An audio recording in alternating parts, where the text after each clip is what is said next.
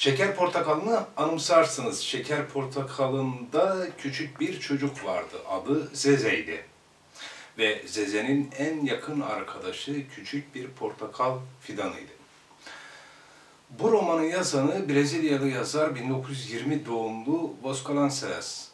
Yazar Şeker Portakalı çok tuttuktan sonra muhtemelen devam niteliğinde bu romanı yazmış. Roman Güneşi Uyandıralım. Bu romanın diğer romandan farkı şu, karakterler aslında hemen hemen aynı ya da baş karakterimiz aynı, Zeze. Zeze'nin buradaki en yakın arkadaşı bir kurbağadır ve kurbağaya taktığı isim adamdır. Peki adamın romandaki rolü ne?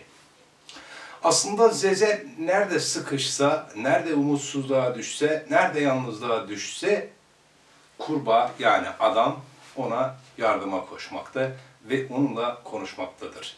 Bir nevi kurbağa ya da diğer adıyla adam Zeze'nin bir iç sesi niteliğindedir. Zeze artık şeker portakalındaki küçük çocuk değildir. Artık ergenliğe gelmiş bir çocuktur. 12-13 yaşlarında ergenlik dönemini yaşayan bir çocuk ve ergenliğin de bir takım olumsuz etkilerini üzerinde taşıyor. Anne babası yani ailesi yoksul olduğu için Zeze'yi zengin bir aileye iyi bir eğitim alsın diye evlatlık olarak veriyor. Fakat gittiği ailede yani evlatlık olarak yaşadığı ailede bütün imkanlara sahip olmasına rağmen yine de aradığı şeyleri bulamaz. Ona göre evlatlık olduğu ailedeki adam, eşi ya da onların kızı, abla dediği kızı bunlar aslında bazı özellikler bakımından yoksundurlar.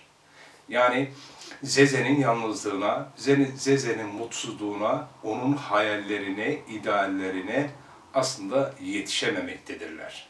Bu yüzden Zeze yalnızdır.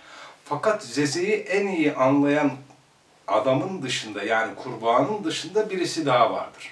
O da gittiği okuldaki okulun e, rahip öğretmeni Fayolle'dir. Fayolle'yi Zeze çok sever. Temel nedeni şudur.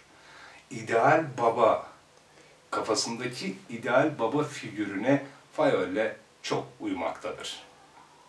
Roman aslında Zeze'nin bütün ergenlik dönemi çalkantılarını e, oldukça akıcı bir dille anlatıyor ve romanı okuduğunuzda eğer yaş itibariyle oraya da yakın iseniz aslında insanın nelere gücünün yetip yetmediğini, hayatında önemli kararları verip ya da vermeme noktasında atması gereken adımları orada görüyorsunuz.